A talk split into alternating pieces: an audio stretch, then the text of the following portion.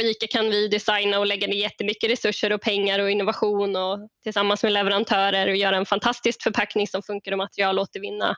Men om den ändå inte får chansen så att lämnas in så är det arbetet helt i onödan så att säga.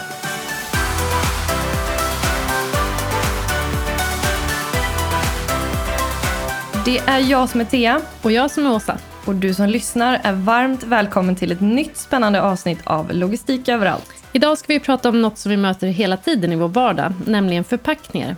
Vad tänker du på när du tänker på förpackningar, Thea? Mm, jag skulle nog säga något som höjer produkten och ger en känsla av kvalitet, men också något som skyddar produkten och samtidigt också informerar om innehållet. Mm, jag med. Men eh, tyvärr är det väl också så att jag tänker ännu mer på mängden av förpackningar i form av skräp som jag går iväg med till återvinningscentralen varje vecka. Ja, herregud vad man samlar på sig. Hur är det ens möjligt? Som tur är ska vi prata mer om förpackningarnas roll i dagens avsnitt. Kanske kan vi få några bra tips. Hoppas det. Men innan vi drar igång, det här avsnittet är ju sponsrat av vår härliga samarbetspartner Business Region Örebro. Och så här, visste du att Örebro är den stad som växer mest i Sverige just nu? Nej, det visste jag faktiskt inte. Även om jag verkligen kan förstå varför. Jag som gammal örebroare älskar ju staden på alla vis, men den har också ett grymt logistikläge och många bra jobb. Örebroregionen kan dessutom verkligen erbjuda en livsstil som innehåller det mesta. Stad, natur, sport, kultur, nära till allt. Mm, jag kan tänka mig det. Och därför är vi också extra glada att kunna tipsa om en grym lansering som just Örebroregionen precis har släppt. De har ju skapat en unik livsstilsportal för att locka studenter och talanger till regionen. En webbportal som de kallar för Smart Move. Ja, och på den webbportalen så finns all sorts information man kan tänkas behöva. Klickar du in det där kan du som besökare guidas fram till exempel till arbete och boende, men också sånt som passar dig och skapar livskvalitet. Precis. Och det här är ju ett sjukt inspirerande sätt att lyfta en region på och man ser verkligen hur Örebroregionen satsar för framtiden. Och är du som lyssnar nyfiken så ska du definitivt gå in på thesmartmove.se och kolla in den här portalen för mer info. Ja, gör det. Stort tack till er Business Region Örebro för att ni också väljer att samarbeta med oss. Ja, tack. Men nu Åsa, nu är det dags för dagens intervju. Vilken uppgift har en förpackning? Vad är en smart förpackning och hur bidrar en bra förpackning till en effektiv och hållbar logistikkedja? Dagens gäst heter Sofia Eriksson och är förpackningsutvecklare på ICA Sverige. Hon har också en bakgrund inom Orkla. Hennes intresse för förpackningar är enormt och hon driver också en av Sveriges största förpackningsbloggar. Välkommen till Logistik överallt Sofia. Tack så hemskt mycket. Så kul att ha dig här och du är ju här idag för att vi ska prata mer om förpackningar och om förpackningslogistik. Men om vi backar lite, hur blev du så intresserad av förpackningar? Det är en jättebra fråga. Eh, jag tror jag alltid har varit, jag är en kreativ själ men också väldigt strukturerad och gillar konstruktion. Jag byggde mycket lego när jag var liten så en salig blandning. Har väl en fallenhet för just förpackningsdesign och förpackningsutveckling. Idag är du ju som sagt var förpackningsutvecklare på ICA Sverige. Vad innebär ditt jobb? Ja, mitt jobb på ICA betyder att eh, jag har mycket den strategiska hatten vad gäller stora förflyttningar på ICA och mycket av mitt fokus ligger idag på konsumentförpackningar, det vill säga det vi konsumenter ser ut i butik och på, i våra hyllor i våra butiker. Så det är väl mitt stora, stora fokus men också ur ett holistiskt perspektiv och just nu är stort fokus på just vårt plastmål som vi har inom ICA Sverige och också inom eh, Svensk dagligvaruhandel. Då. Så mycket fokus på det just nu. Vi kommer återkomma till plast, givetvis. Eh, men hur ser din bakgrund inom förpackningar ut? Ja, jag har nu jobbat 11 år i förpackningsbranschen eller förpackningsindustrin. Eh, det har gått väldigt fort. Det går ju fort när man har roligt. Så jag har jobbat egentligen allt från varit en wellpappkonstruktör och till att jobba som grafisk designer och sen också jobbat många år då på Orkla Foods nere i Skåne som just förpackningsutvecklare för livsmedel och egentligen ur ett holistiskt perspektiv där. Och eh, vad har man för utbildning som förpackningsdesigner? Det finns lite olika vägar att gå men eh, jag valde vägen att gå en yrkeshögskola som heter Nakademin som ligger här i Stockholm. Men finns också motsvariga utbildningar i Sverige. Vi tänkte backa lite och fråga helt enkelt, vilken uppgift har en förpackning?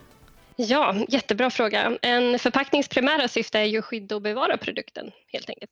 Men en förpackning ska också, när vi pratar om logistik, ska ju faktiskt ta en, en produkt till, från A till B. och vara så effektiv som möjligt under egentligen i hela värdekedjan. Eh, om man tittar på olika typer av varor, vad skulle du säga är svårast att förpacka? Eh, nu är jag ju väldigt, jobbar ju mycket och min bakgrund är just inom livsmedelsförpackningar, så det är väl där jag har störst kännedom. Men eh, vad jag skulle säga spontant så är det ju färsk, eh, färskvaror. De har ju en väldigt kort hållbarhet. Eh, det gäller att logistikkedjan är väldigt optimerad och att förpackningen också är väldigt bra för just den produkten. Ur ett hållbarhetsperspektiv så är ju plast och förpackningar väldigt omdebatterat. Kommer vi sluta använda plast i förpackningar framöver? Det skulle jag säga att nej, det kommer vi inte göra. Jag tror bara att det kommer se annorlunda ut. Det händer ju jättemycket på den fronten och eh, det är ju mycket från EU, EU-drivet med olika lagkrav och direktiv som kommer. Och vi har ju utmaningar med plast. Jag tror att det är bara viktigt att vi ska använda rätt, rätt plast på rätt plats helt enkelt. Vi inom vi ICA då, eh, tillhör Svensk dagligvaruhandel där vi har en förpackningsgrupp bland annat som jag tillhör. Och eh, I och med Svensk dagligvaruhandel då, så tog man ett beslut 2018 då, att vi tillsammans ska ha en branschgemensam mål då, att göra alla våra plastförpackningar materialåtervinningsbara. Då. För tyvärr är ju inte det idag. Målet framöver här då är att vi ska ha alla våra plastförpackningar då, inom livsmedel ska vara materialåtervinningsbara. Då. Och sen också framöver här mot 2030 då, ska de även bestå av eh, vara fossilfria då, eller bestå av återvunnet material. Då. Så det är en, en, tuff utmaning, men man ska ju sikta högt. Du sa ju det här med att eh, det ska vara plast på rätt produkter. Har du några exempel på sådana produkter? Ja, nej, men det har jag. Eh, och den, eh, många brukar bli lite upprörda när jag pratar om detta, men det är just eh, eh gurkan eh, så, och plasten runt gurkan. Många, många tycker att det är väldigt onödigt för att det finns både gurka som inte har plast och gurka som har plast. Men en gurka, det är en väldigt tunn plastfilm som sitter runt gurkan och eh, den gör faktiskt att, eh, att hållbarheten kan öka upp, upp mot sex dagar extra. Så det vill säga om vi, inte har, om vi tar bort plasten så behöver vi egentligen ur ett holistiskt perspektiv odla fler gurkor om efterfrågan är lika stor. Vilket har ett, ett större, ett större miljöpåverkan än själva den plastfilmen. Men vi ska prata lite mer om återvinning av förpackningar. Hur ser en bra och effektiv återvinning ut enligt dig? Ja, det är ju det, om man tänker en, en cirkel så ska ju alla de här delarna i den här cirkeln fungera. Det vill säga i början av cirkeln, eller man kan tänka också, pratar man om upstreams, så är det vi som producenter som sätter förpackningar på marknaden och det är viktigt att vi väljer, har ett aktivt val där att ha också kunskap kring vad som faktiskt går att materialåtervinna idag och vad finns det en efterfrågan på eftermarknaden? Vilka, vad, vilket material kan man göra andra plastprodukter av till exempel? Så därför är det väldigt viktigt att alla delar i den här cirkeln måste fungera helt enkelt. För vi går ju mot en, målet är ju en cirkulär eller en spiralekonomi framöver, inte en linjär. Går hand i hand kanske med det du redan sa, men hur, hur tänker du runt återvinning när du sitter och utvecklar förpackningar?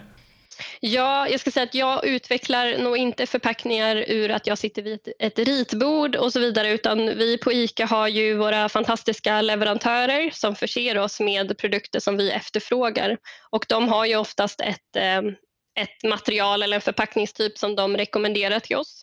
Och där är egentligen min roll är mycket att gå in och eh, ha dels en, en dialog tillsammans med mina kollegor på ICA, tillsammans med leverantören då, och se så här, ja, vad skulle vi kunna optimera här, har ni något annat förslag och så vidare. Så jag skulle nog säga att det är så det går till. Då. Och om man tittar på pant då, hur ser du på det när det kommer till förpackningar?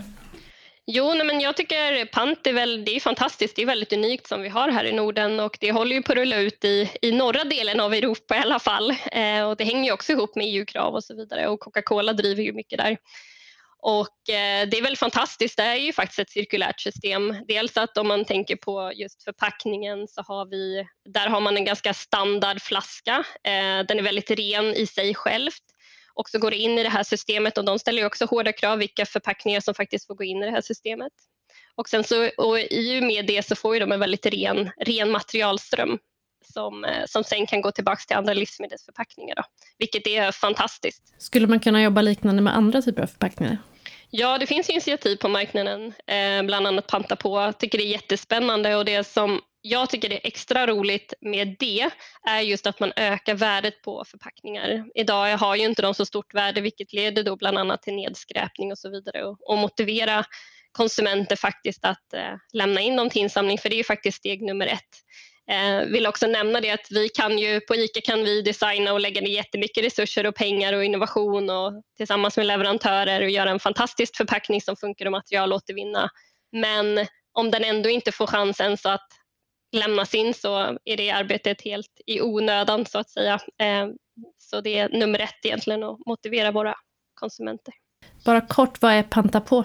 Ja, Panta på är en, en app som, där du kan panta egentligen med hjälp av din mobiltelefon och där finns det vissa producenter, inte vi på ICA tyvärr än, men eh, många andra som har, har ett avtal då med Panta på och har en liten klisterlapp eller så att säga där, där man kan skanna när man lämnar in och få man kan bland annat se sitt carbon footprint, vilket är väldigt coolt att se faktiskt, att alla kan göra skillnad. Och då kan det vara brödpåsar eller? Eh, yes, flaska, precis, eh, och diskmedel och så vidare. Ja.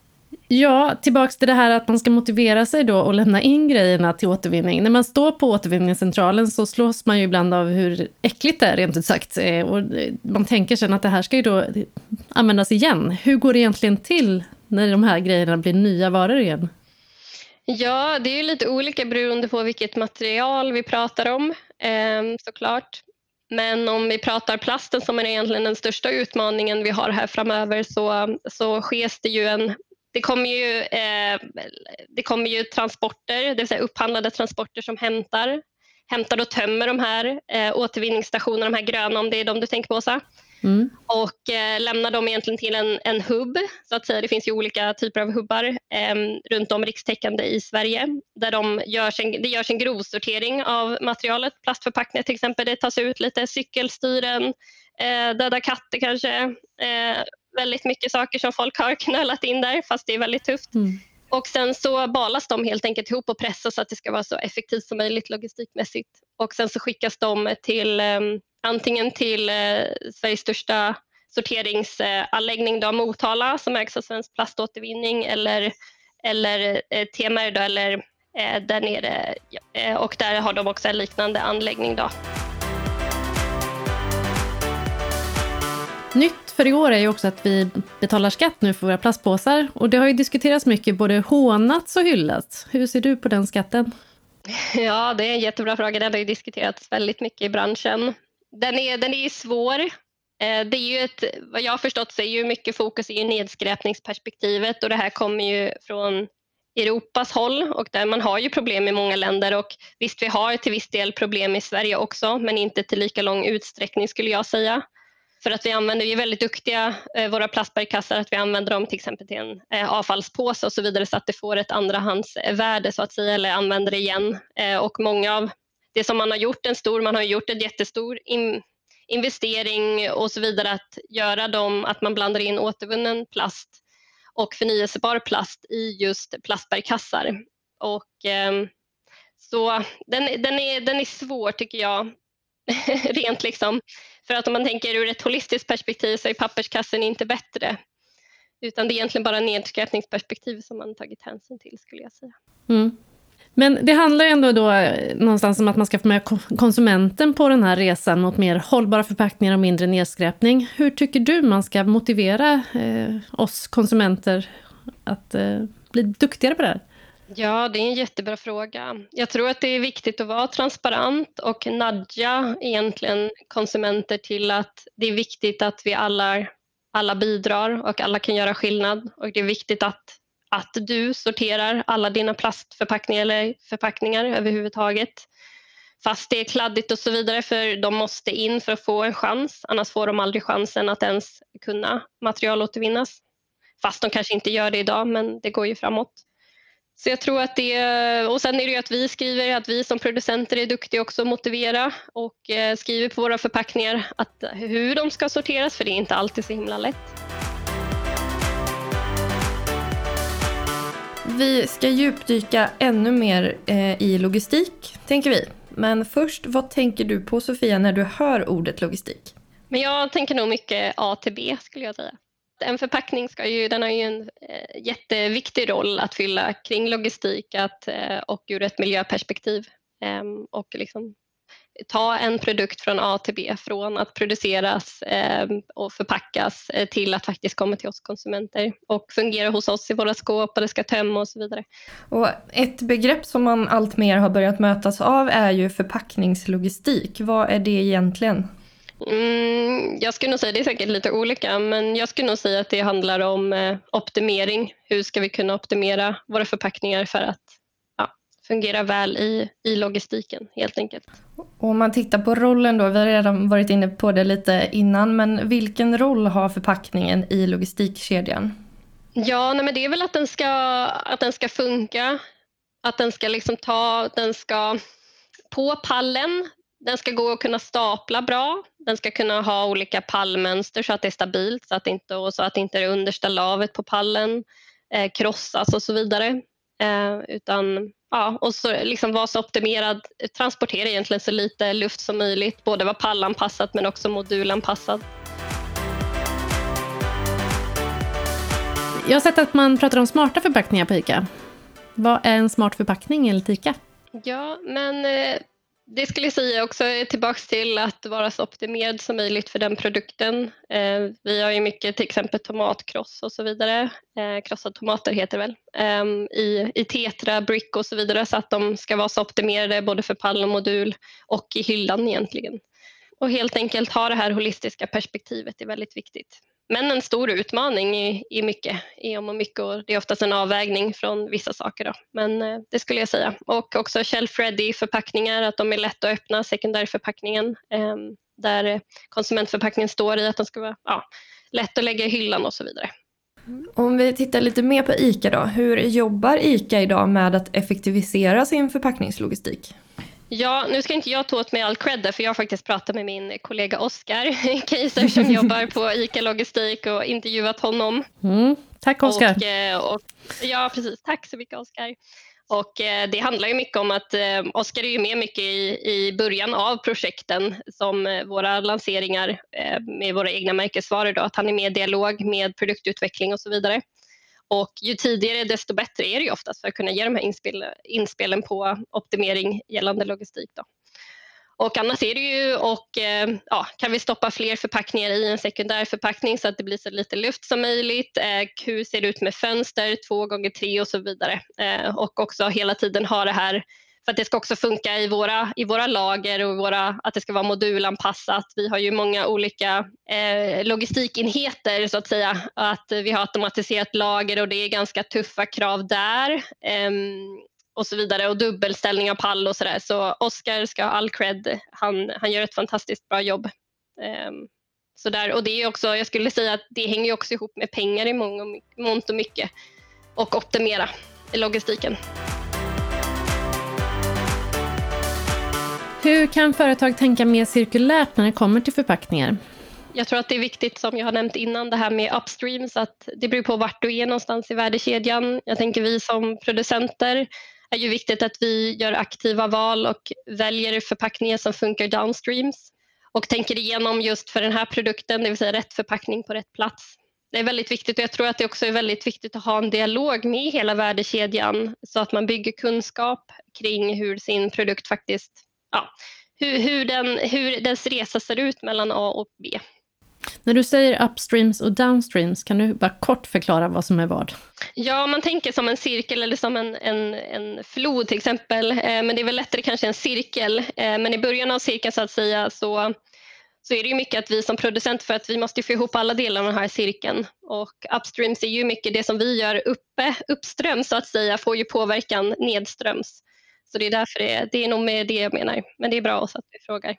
En eh, omdebatterad fråga är det här med e-handel, emballage och att vi transporterar så mycket luft. Hur tycker du att e-handlarna ska arbeta med förpackningar för att minimera mängden luft i sina sändningar? Ja, det är en jättebra fråga. Jag känner själv, jag handlar ju mycket på nätet nu med, eh, med tider som är med covid och eh, absolut, man ser ju både skräckexempel och saker som är väldigt optimerat.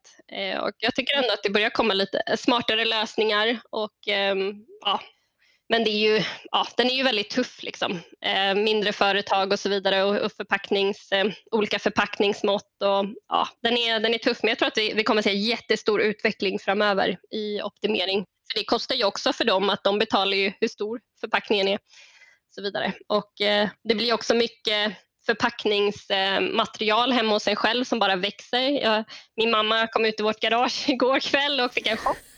Eh, så, ja. Det är hög igenkänning på det. Jag kan relatera, verkligen. Ja. vi älskar ju precis som du att trendspana. Så vi vill veta vilka förpackningstrender kommer vi ta med oss in i 2021?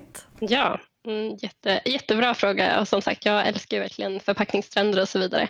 Men jag skulle säga liksom de stora förflyttningarna kring just eh, varumärkesägare och eh, och dagligvaruhandeln så är det här med att sänka sitt koldioxidavtryck. Det är jättestora förflyttningar inom det och där hänger ju förpackningen ihop mycket tillsammans med plast eh, som är en fossil råvara eh, på många sätt eh, fortfarande idag. Så där skulle jag säga eh, replace plastic är en stor, jättestor drivkraft.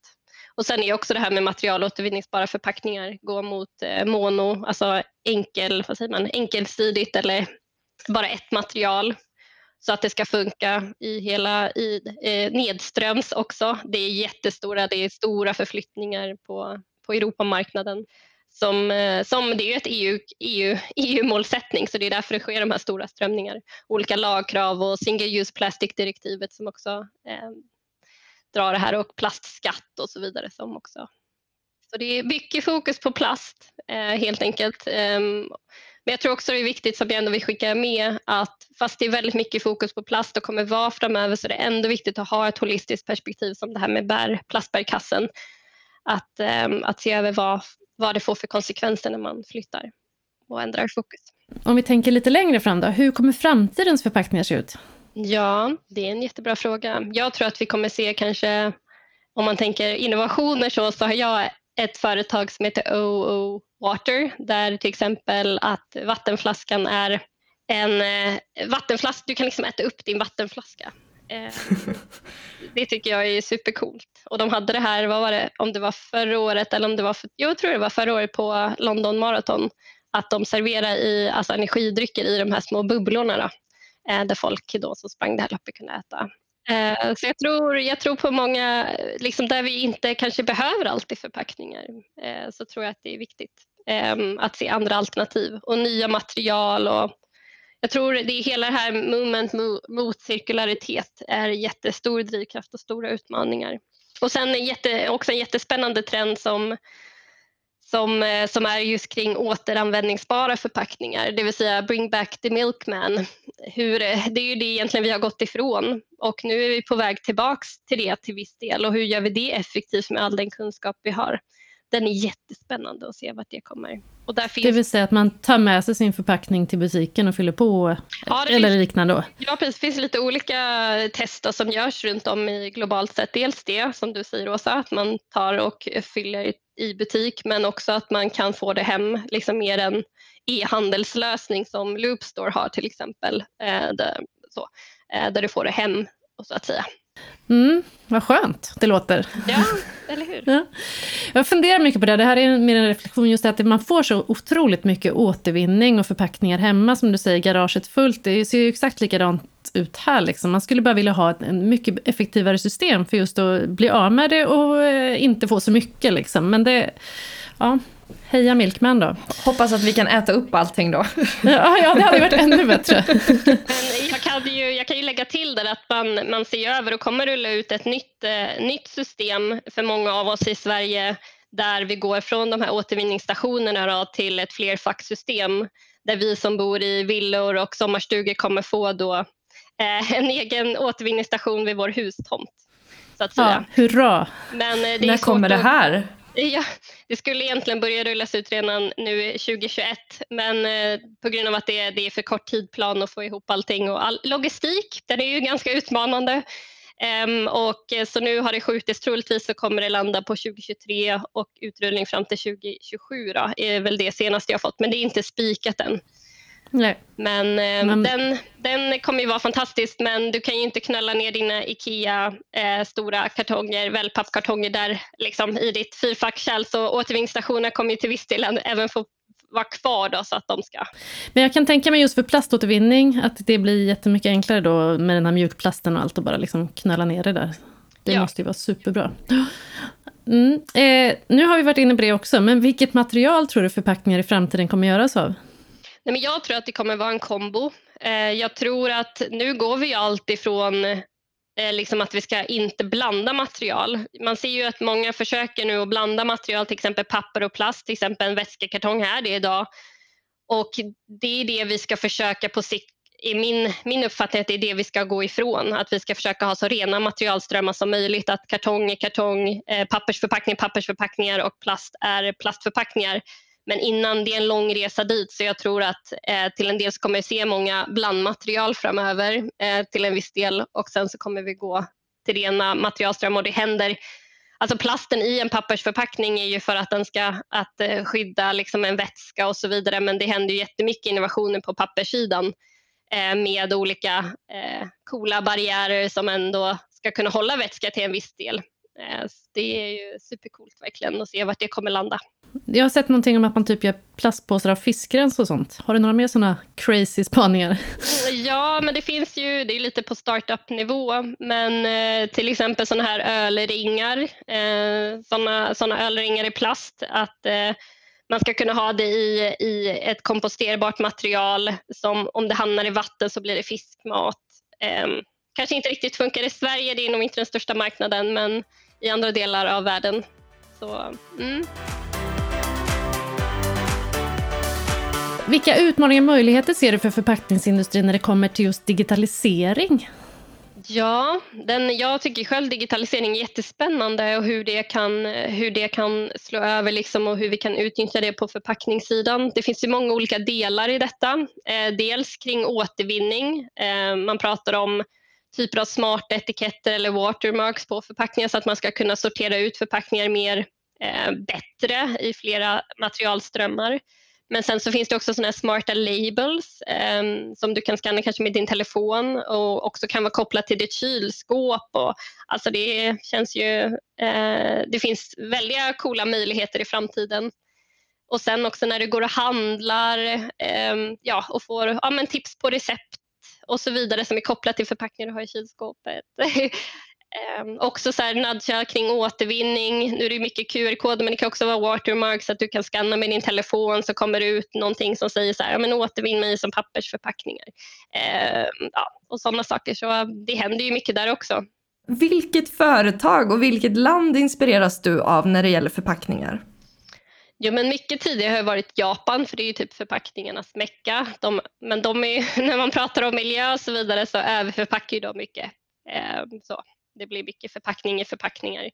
Ehm, så nu har det ju varit mycket, det är nog väldigt, det är väldigt blandat skulle jag säga. Det händer ju mycket på Europa för att vi har gemensamma mål och så vidare. Vi går ju egentligen i bräschen i Europa skulle jag säga vad gäller hela återvinningen så det är ju mycket omvärldsbevakningar USA så är det mycket det här med loop store och liksom cirkulärt och sådär men de kör lite sitt eget race på ett sätt. Men jag skulle nog säga liksom globalt, vad är det vi ser för någonting? Sen följer jag mycket de stora drakarna, Nestlé och Unilever och så vidare som, som går mycket i bräschen för och kemisk återvinning och ja, ska jag säga. Så det är väldigt olika. Om du får skicka med ett tips till våra lyssnare, vad skulle det vara? Ja, nej men det skulle vara att alla vi kan bidra till någonting och det är jätteviktigt att du eh, källsorterar dina förpackningar så att de får en chans att bli något nytt. Det här var allt för idag. Tusen tack till dig Sofia för att du ville gästa Logistik överallt och lära oss mer om förpackningar och om förpackningens roll i logistikkedjan. Tack själva, jättekul. Och stort tack till dig som lyssnar på den här podden. Feedbacka gärna vad du tycker om avsnittet och glöm inte att det finns en sammanfattning på dagenslogistik.se.